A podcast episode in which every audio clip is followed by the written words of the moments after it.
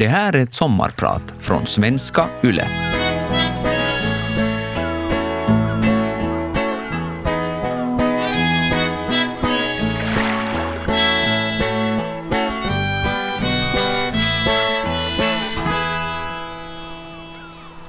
Högsommar. 22 grader. Söderläge i Strandäng hemma i Pargas. Några blanka hästar betar nere i hagen. De betar förgäves, för gräset växer så här års med sån fart att inte ens matglada fullblod hinner med. Sjön nedanför hagen glittrar. Min mommo hävdade när jag var liten att glittret kommer från en skattkista av guld och att den kistan med hela sin härlighet ligger precis bakom Emmaludden. Eller Emmaluddan, som man säger på byaspråk. Emmaluddan är en liten halvö, eventuellt världens minsta. En vackert rundad udde med ett örnbo i den allra högsta tallen. På vintern blir det oftast ordentlig is på sjön. Då kan man promenera eller skida runt Emmaluddan och konstatera att mommo ljög. Där finns ingen skattkista. Vissa vintrar blir det bara skrän. Så säger min man Ronny att det heter. Det där tunn-tunna första islagret som slår en hinna över sjöar och pölar efter några rejäla minusnätter. Skrän. Ett av många ord jag aldrig hört innan jag träffade honom. Ord som ingen vet ursprunget till. Det är varken dialekt eller folkmun. Finns det ordet ens på riktigt? När jag googlar får jag ingen träff. Ingenstans står det någonting om skrän. Tunnare än aluminiumfolie. Nästan som bladguld, fast silver. Frasar sönder lagom till lunch om solen behagar lysa. På eftermiddagen när vattenytan ser ut som vanligt igen undrar jag om allt bara var inbildning. Det undrar jag för övrigt ganska ofta. Det finns nämligen några händelser i mitt liv som jag länge har försökt betrakta som skrän. Alltså nästan inbildning. De här berättelserna ska jag nu försöka formulera. Kanske för första gången, utan att väja för verkligheten. Vad händer om längtan efter äventyr är så stor att man aldrig tar sig tiden att reflektera över det som varit? Och vad händer om man saknar en stoppknapp? Mitt namn är Daniela Fransell och jag är din sommarpratare idag.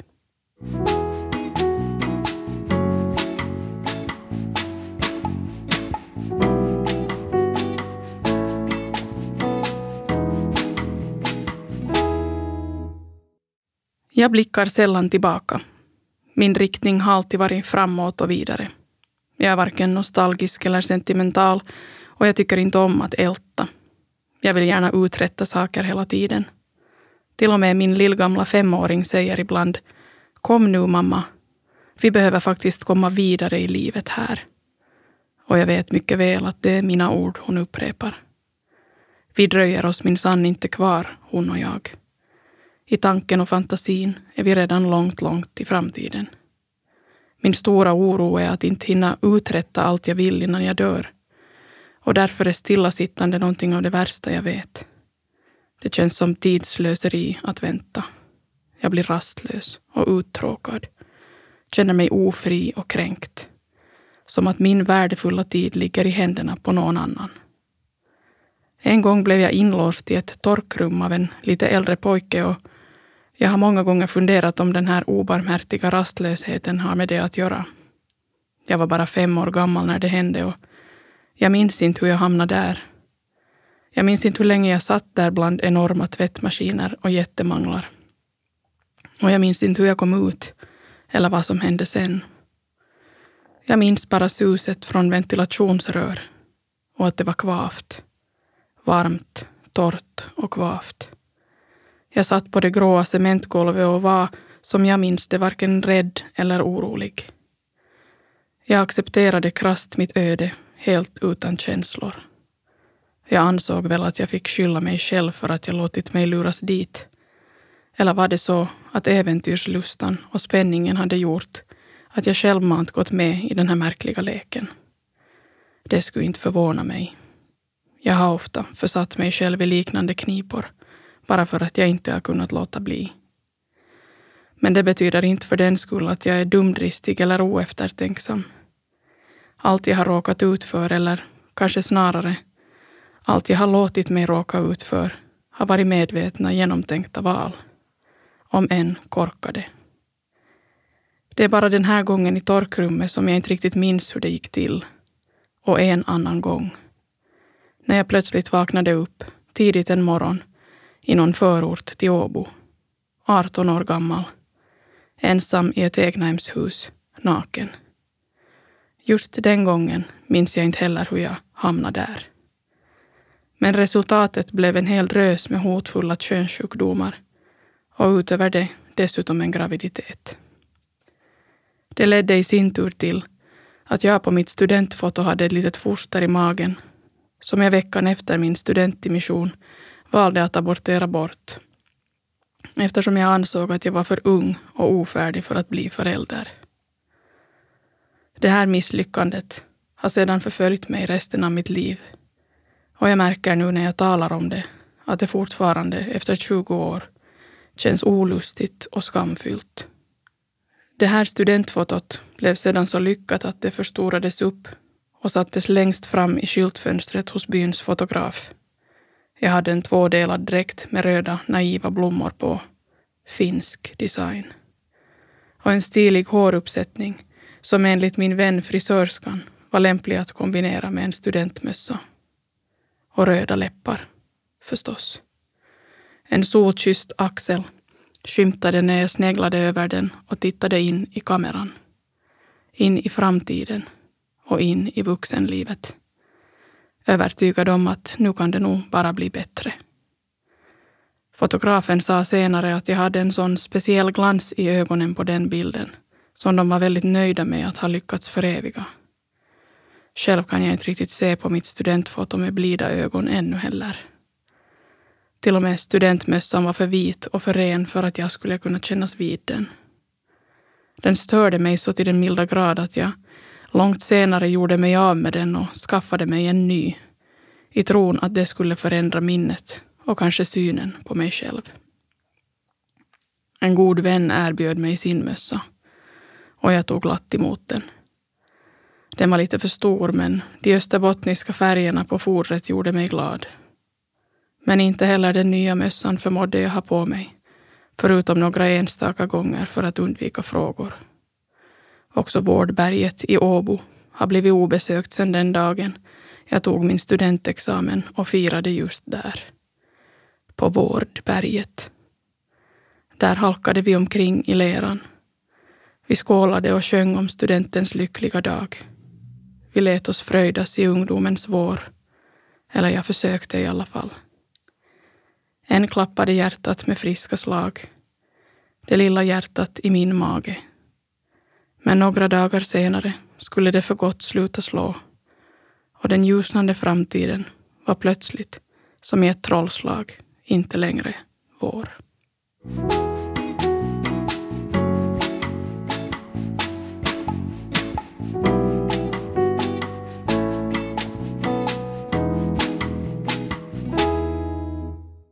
Nu springer hästarna i hagen nedanför, på den så kallade strandängen. Det är kvällsgymnastik i hästvärlden, tydligen. Eller kanske fest. I alla fall är det mäktigt att se ett tiotal hästar i grupp galoppera på en ändå inte alltför stor yta. Det är inte våra hästar. Vi lånar dem som gräsklippare. Jag är ingen regelrätt djurvän jag tycker inte illa om djur generellt, men jag är rädd för de flesta och det är ytterst få djur jag önskat stifta närmare bekantskap med. Men jag tycker om att titta på dem. Det är som ett skådespel. En bättre sortens föreställning. Vi har också haft sommarfår. Det första året vi hade får var det bästa. Det kom tre stycken lamm som av någon anledning som jag inte längre minns inte hade någon mor med sig. Därför behövde de placeras under uppsyn. Ofta förs ju får ut till holmar och hagar där de inte övervakas av någon människa utan de sköter sig själva hela sommaren tills betet är slut. Men de här tre ulliga jäntorna behövde lite extra kärlek och det blev min uppgift att förse dem med det. De var små och vilsna. Men ägaren sa att om de visade sig vara välskapta och om jag dessutom lyckades göra dem människovänliga så fanns det hopp för dem att bli avelstackor istället för julstek. Min man och jag var precis i färd med att köpa min mammas barndomshem och i förlängningen också strandängen på vilka dessa små lamm skulle beta. Dessutom befann vi oss mitt i en ofrivillig barnlöshetslimbo, så jag tog mitt kärleksuppdrag på stort allvar. Det svarta lammet var full i fan och ställde till med bekymmer från dag ett. Sprätte iväg med en hojsig fart och föråt sig nästan dagligen på det klorofyllsprängda gräset i mitten av maj. Hon fick heta Hoisi av förekommen anledning. Jag tror att hon växte sig dubbelt så stor den första veckan och det var nästan så att hon började skifta lite i grönt. Majsi och Daisy var två vita lamm.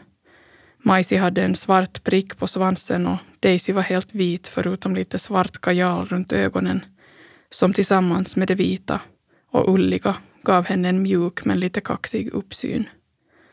I övrigt var de nästan identiska. Daisy blev min lilla baby i väntan på att min osamarbetsvilliga kropp skulle ge oss ett eget barn. Hon somnade vid mina fötter titt som tätt där jag satt i kvällssolen på en stubbe mitt i hagen. Jag kunde stå och glo på dem i fönstret i skymningen, vaka över dem, ligga sömnlös och oroa mig när det regnade och blåste.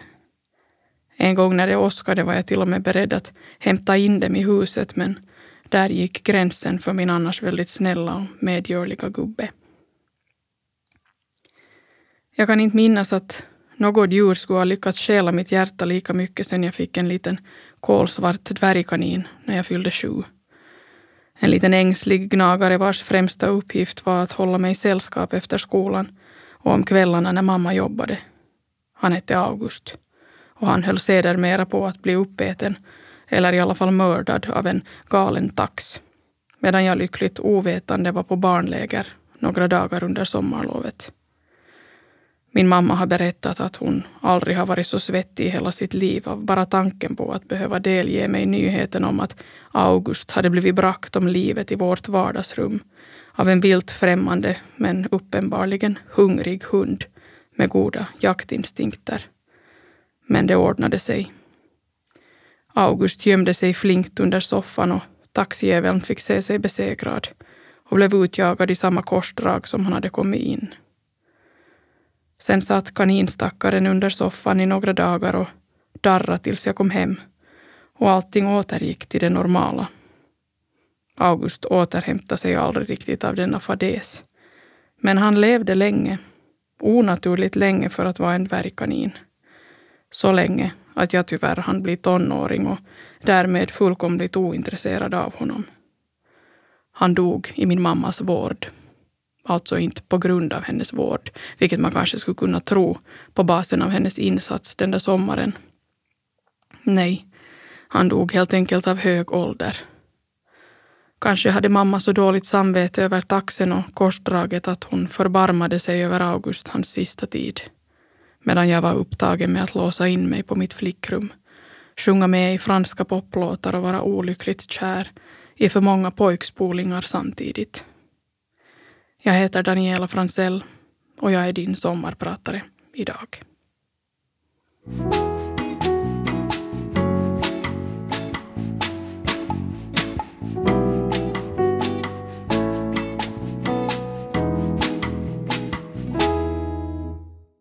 År 2005 sökte jag till Teaterhögskolan för andra gången.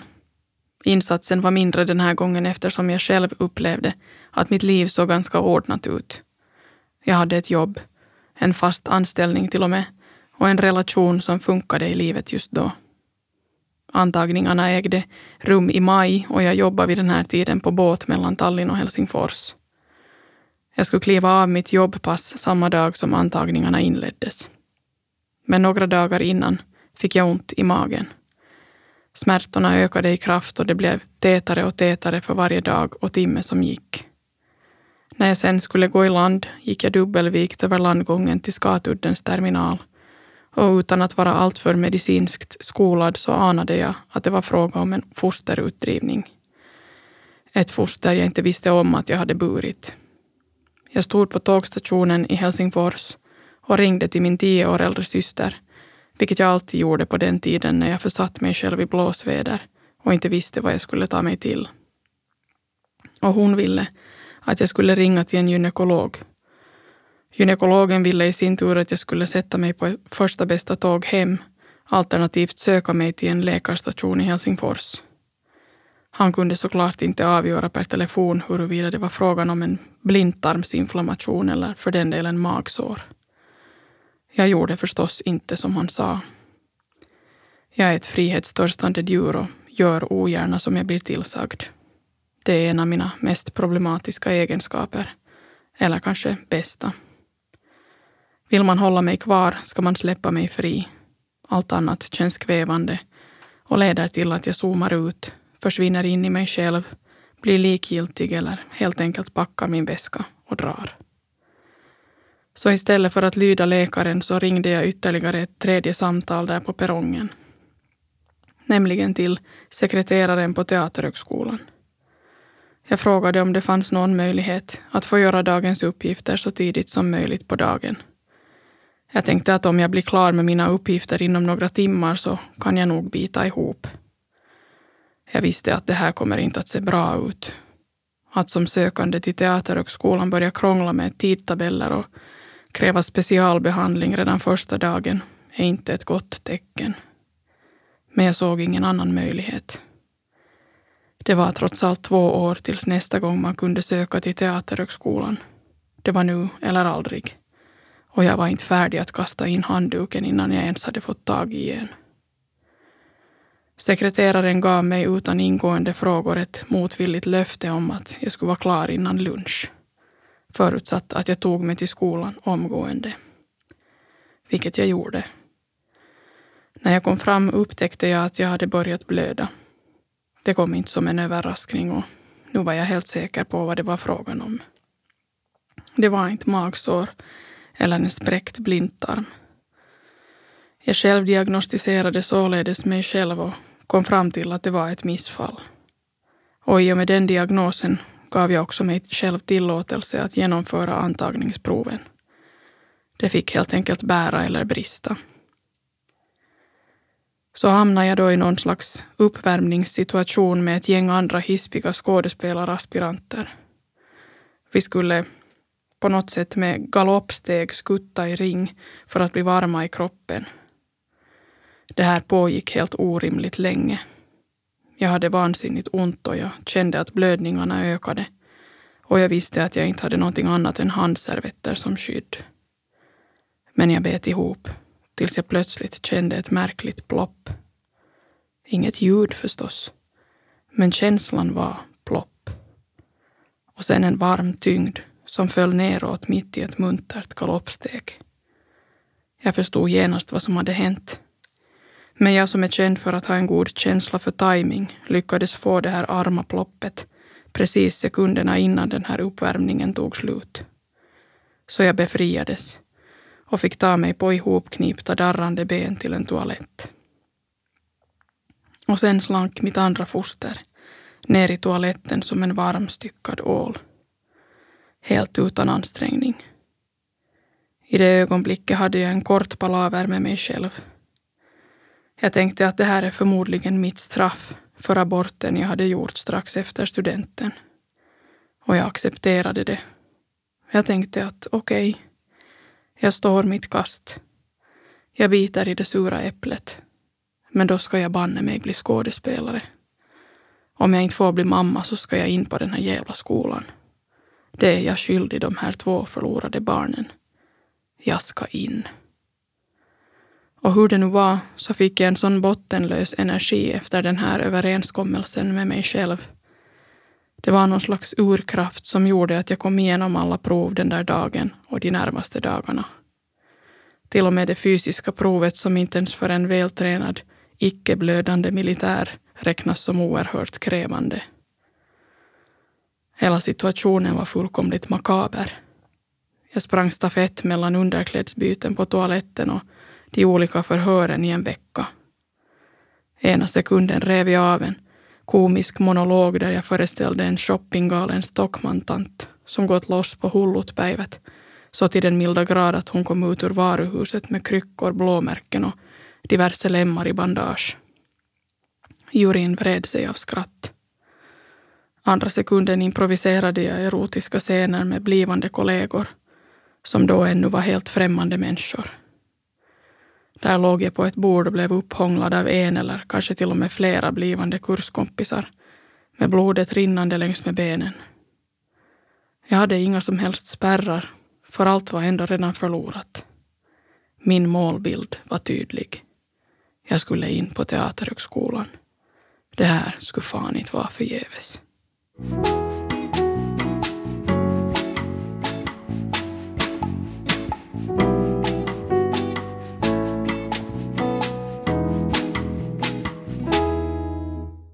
Jag kom in. Ja, faktiskt så kom jag in på Teaterhögskolan. På den tiden hängde de upp en lapp på dörren till skolan där man kunde läsa vilka som välkomnades att inleda sina studier inkommande höst. Jag jobbade som vanligt. Så jag hade ingen möjlighet att ta mig till skolan för att läsa lappen. Istället gick jag in på någon sida på nätet där man tydligen också kunde få sitt besked. Jag satt i mässen på MS Rosella och hemsidan kraschade gång på gång på grund av överbelastning och dålig nätförbindelse på Finska viken. Men till slut fick jag faktiskt syn på mitt namn i raden av intagna. Jag kunde för mitt liv inte tro att det var sant. Jag var tvungen att ännu följande dag ringa två gånger för att kolla om jag hade läst rätt. Samma sekreterare var tvärsäker på att jag hade fått en plats och sakta men säkert gick det upp för mig att jag tydligen skulle bli skådespelerska. Sen piskade jag mig igenom de här fem åren, som jag inte ännu heller kan bestämma mig för om de var de bästa eller de sämsta fem åren i mitt liv.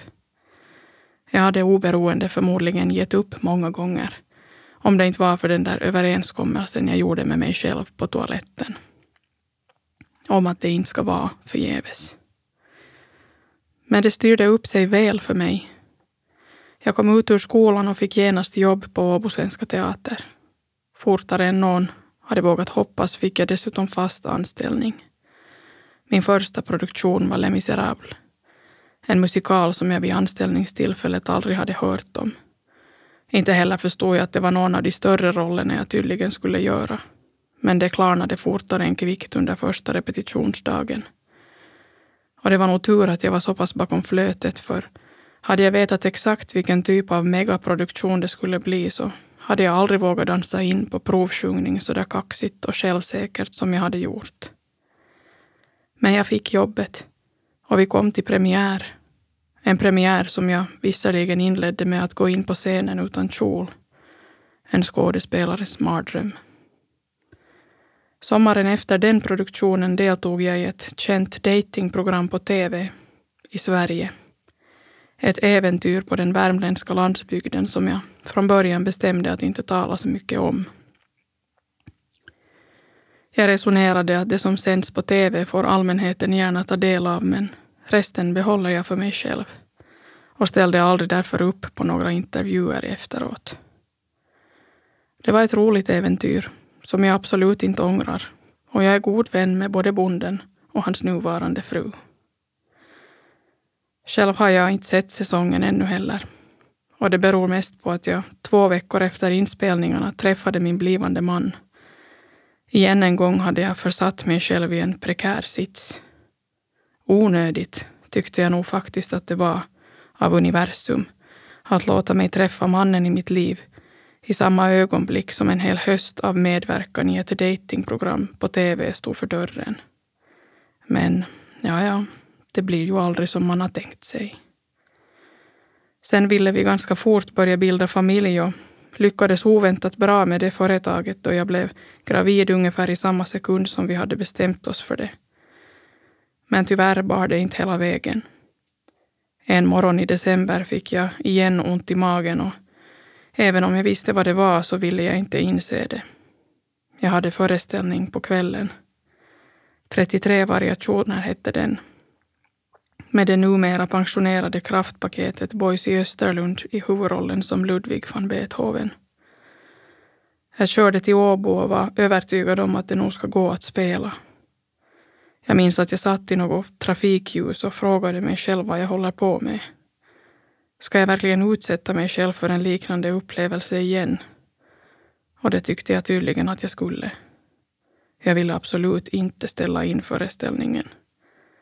Det här var långt innan coronan och på den tiden ställde man aldrig in. Det fanns inte på kartan. Men kroppen ville annat. Och 15 minuter innan föreställningen satt jag igen på toaletten och hörde första ringningen. Det första tecknet på att nu börjar föreställningen snart. Och sen hände det igen. Familjelyckan var inställd. Föreställningen likaså. Också de tre påföljande föreställningarna som var kvar innan jullovet ställdes in. Och jag sänder ännu idag mitt ömmaste tack till den teaterchefen som tog det beslutet direkt, utan att tveka.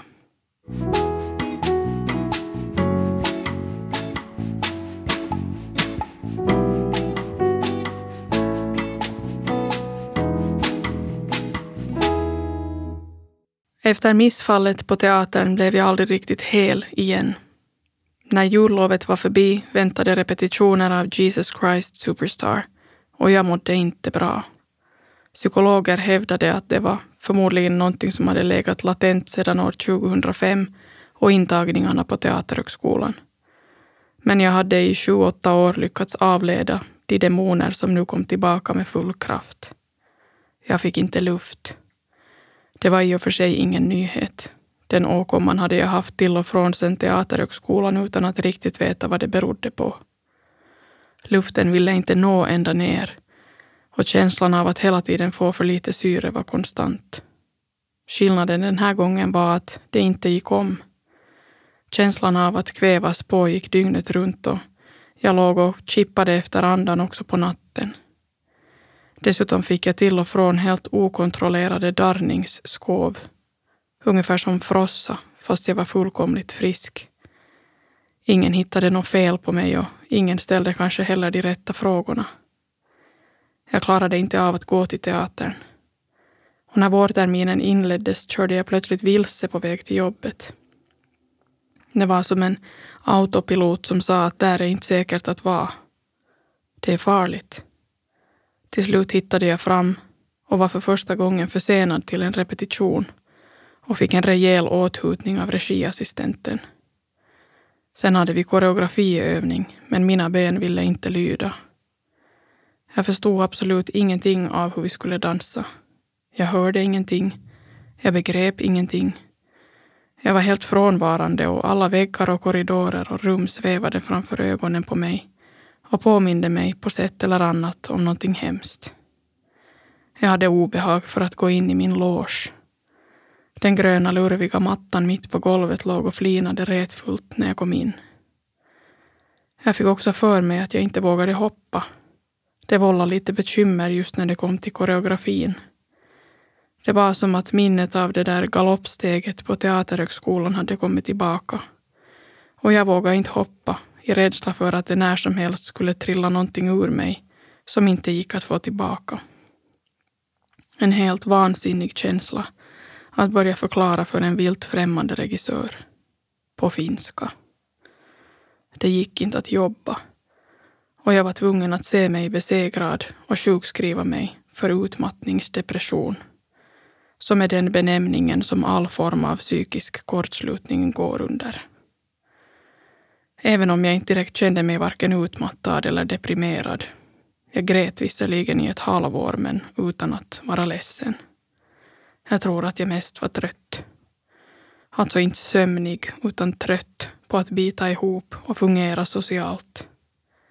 Det gick utmärkt att vara hemma och lägga pussel och mata småfåglar och jag kände mig verkligen inte utmattningsdeprimerad. Jag steg ju upp alla dagar, lagade mat och såg helt vanlig ut. Och varje gång som psykologer frågade om jag var suicidal så svarade jag bestämt nej. Någonting sånt var det inte frågan om. Jag levde ju egentligen min lyckligaste tid, fortfarande nyförälskad i min blivande man. Men jag orkar bara inte vara bland folk och jag orkar inte leverera. Den anspänningen som det krävde att gå upp på en scen slog ut hela systemet gång på gång på gång. Avsaknaden av stoppknapp hade alltså lett till att jag nu istället saknade startknapp. Men jag gick trots allt tillbaka till jobbet efter åtta månader. Jag var inte helt i form, men min rädsla för att aldrig mer våga sätta min fot på teatern var så stor att jag kände mig tvungen att prova. En produktion gick alldeles bra och sen var jag gravid igen. Ganska tidigt in i graviditeten började jag igen blöda. Jag bokade tid till en privat läkarstation bara för att få det bekräftat som jag redan visste. Gynekologen undersökte mig och konstaterade sedan krasst att hon ser att jag har varit gravid men att hjärtat tyvärr inte slår längre. Jag fick en tid till sjukhuset påföljande veckas onsdag och där skulle jag sen få ett piller för att sätta igång utdrivningen förutsatt att den inte kom igång av sig själv. Helgen gick som i ett töcken.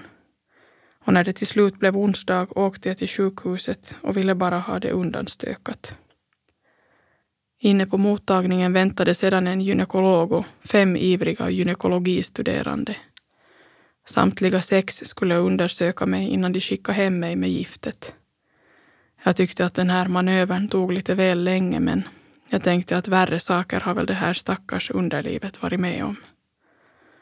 Plötsligt ser jag att de blivande gynekologernas blickar börjar flacka. Och jag tänker att vad fan är det nu då? Till slut tar läkaren över undersökningen och skiner plötsligt upp som en sol där långt nere mellan mina ben. Onneksi olkoon.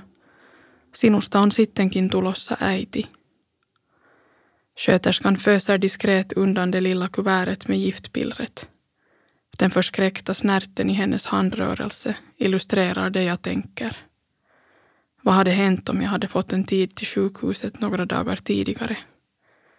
Hade de alls fått syn på det där pyttelilla bultande hjärtat då? Och om inte? Tanken är kuslig fortfarande idag, sex år senare.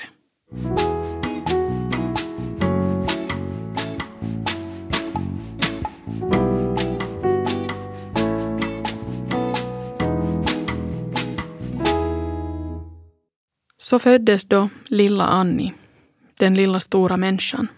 Hon såg ut som en utomjording när de plockade ut henne, men hennes stora blåa ögon bar från dag ett på stor visdom. Några år därpå föddes Ada, envis, företagsam och matglad. Mellan dessa två efterlängtade barn ytterligare ett missfall. Jag har tappat räkningen på hur många ungar jag skulle ha kunnat ha, men jag är oerhört tacksam för de två min kropp ändå har lyckats avla fram. Ofrivillig barnlöshet är ingen lek. Att kastas fram och tillbaka mellan hopp och förtvivlan är en pärs jag inte önskar någon. Och en graviditet efter återkommande missfall kantas oftast mer av rädsla än av lycka. Tacksamheten och lättnaden när ungen äntligen är färdigbakad och på utsidan är obeskrivbar. Det är som att man har blivit av med en fullständigt opolitlig barnvakt som har haft ansvaret över ens barn i nio månader. Det är en ren fröjd att ge sin egen kropp sparken. Jag har också slutat ljuga. Förr hände det nämligen att jag sa att jag var lärare i biologi om någon frågade. Dels för att skådespelaryrket ofta föder många intima följdfrågor som jag ogärna vill diskutera med främmande människor men mest för att jag inte känt att jag lever upp till bilden av en typisk skådespelerska. Vad jag än svarar på frågorna så får jag känslan av att folk blir besvikna. Men nu för tiden säger jag som det är. Jag är skådespelerska. Och jag gör mitt yttersta för att låta övertygande, även om jag varje dag, flera gånger om, ifrågasätter min rätt till det här yrket och min plats på teatern. Speciellt nu då jag har blivit mamma och den där överenskommelsen på toaletten ju inte längre är i kraft. Det tog ett bra tag för mig att förstå att jag får vara både och. Både mamma och skådespelare. Men min kropp har inte ännu helt återhämtat sig från mina tidigare erfarenheter. Jag har förvisso både start och stoppknapp, men istället periodvis väldigt dålig akku. Jag lider av andnöd och panikångest som för det mesta är kopplad till scenen. Jag får svindel, tunnelseende och mina ben vill inte lyda. Ibland slår det lock för öronen och jag är urusel på att hantera stress. En inte helt okomplicerad eller behaglig sits att vara i mitt under en föreställning. Men jag älskar att repetera. Jag är inte rädd för scenen. Och jag är inte rädd för publiken heller. Jag vet att jag är på rätt ställe. Men jag är rädd för att någonting oväntat ska hända som jag inte kan stoppa. Att min kropp ska börja leva sitt eget liv blottad inför publik i strålkastarskenet. Och därför vill den inte gå in på scenen och leverera. Den hävdar varje gång att det är livsfarligt och att jag borde gå hem och börja jobba i butik. Kroppen tar till alla tänkbara medel för att försöka få mig att förstå. Den lägger sig på golvet likt en trotsig tvååring som vägrar vintermundering. Gör sig till överkokt spaghetti när man försöker lyfta ungen. Ålar sig och krånglar. Vill inte. Men varje gång släpar jag min gallskrikande kropp in på scenen och visar den var skåpet ska stå. Och alla som har haft att göra med en trotsig tvååring vet hur slut man blir efteråt. Och så är det för mig också, när jag försöker bemästra min kropp och övertyga den om att allt är bra. Att allt är alldeles lugnt. Det är ingen fara. Nu syns hästarna i hagen inte längre till. De har dragit sig tillbaka. Vidare till en annan hage längre bort. Kvällssolen tar god tid på sig att gå ner. Den undrar om det verkligen är värt det, då man strax ska upp igen. Men det är det nog. Jag vill säga till den att även solen mår bra av att vila, av att inte jämt synas. Själv ska jag åka och bada. Jag har lekt kvinnan i havet nästan dagligen i snart ett år, också på vintern. Min kropp tycker om att bli sänkt i vatten. Gärna kallt. Mest tycker den om att bli nersänkt i skrän. Att med sin värme fräsa sönder det översta lagret av is. Spräcka hinnan och ta kål på alla minnen och demoner. Senast då lugnar kroppen ner sig och finner frid. Om än bara för en liten stund. Jag heter Daniela Fransell och jag vill tacka er för att jag fick vara er sommarpratare idag.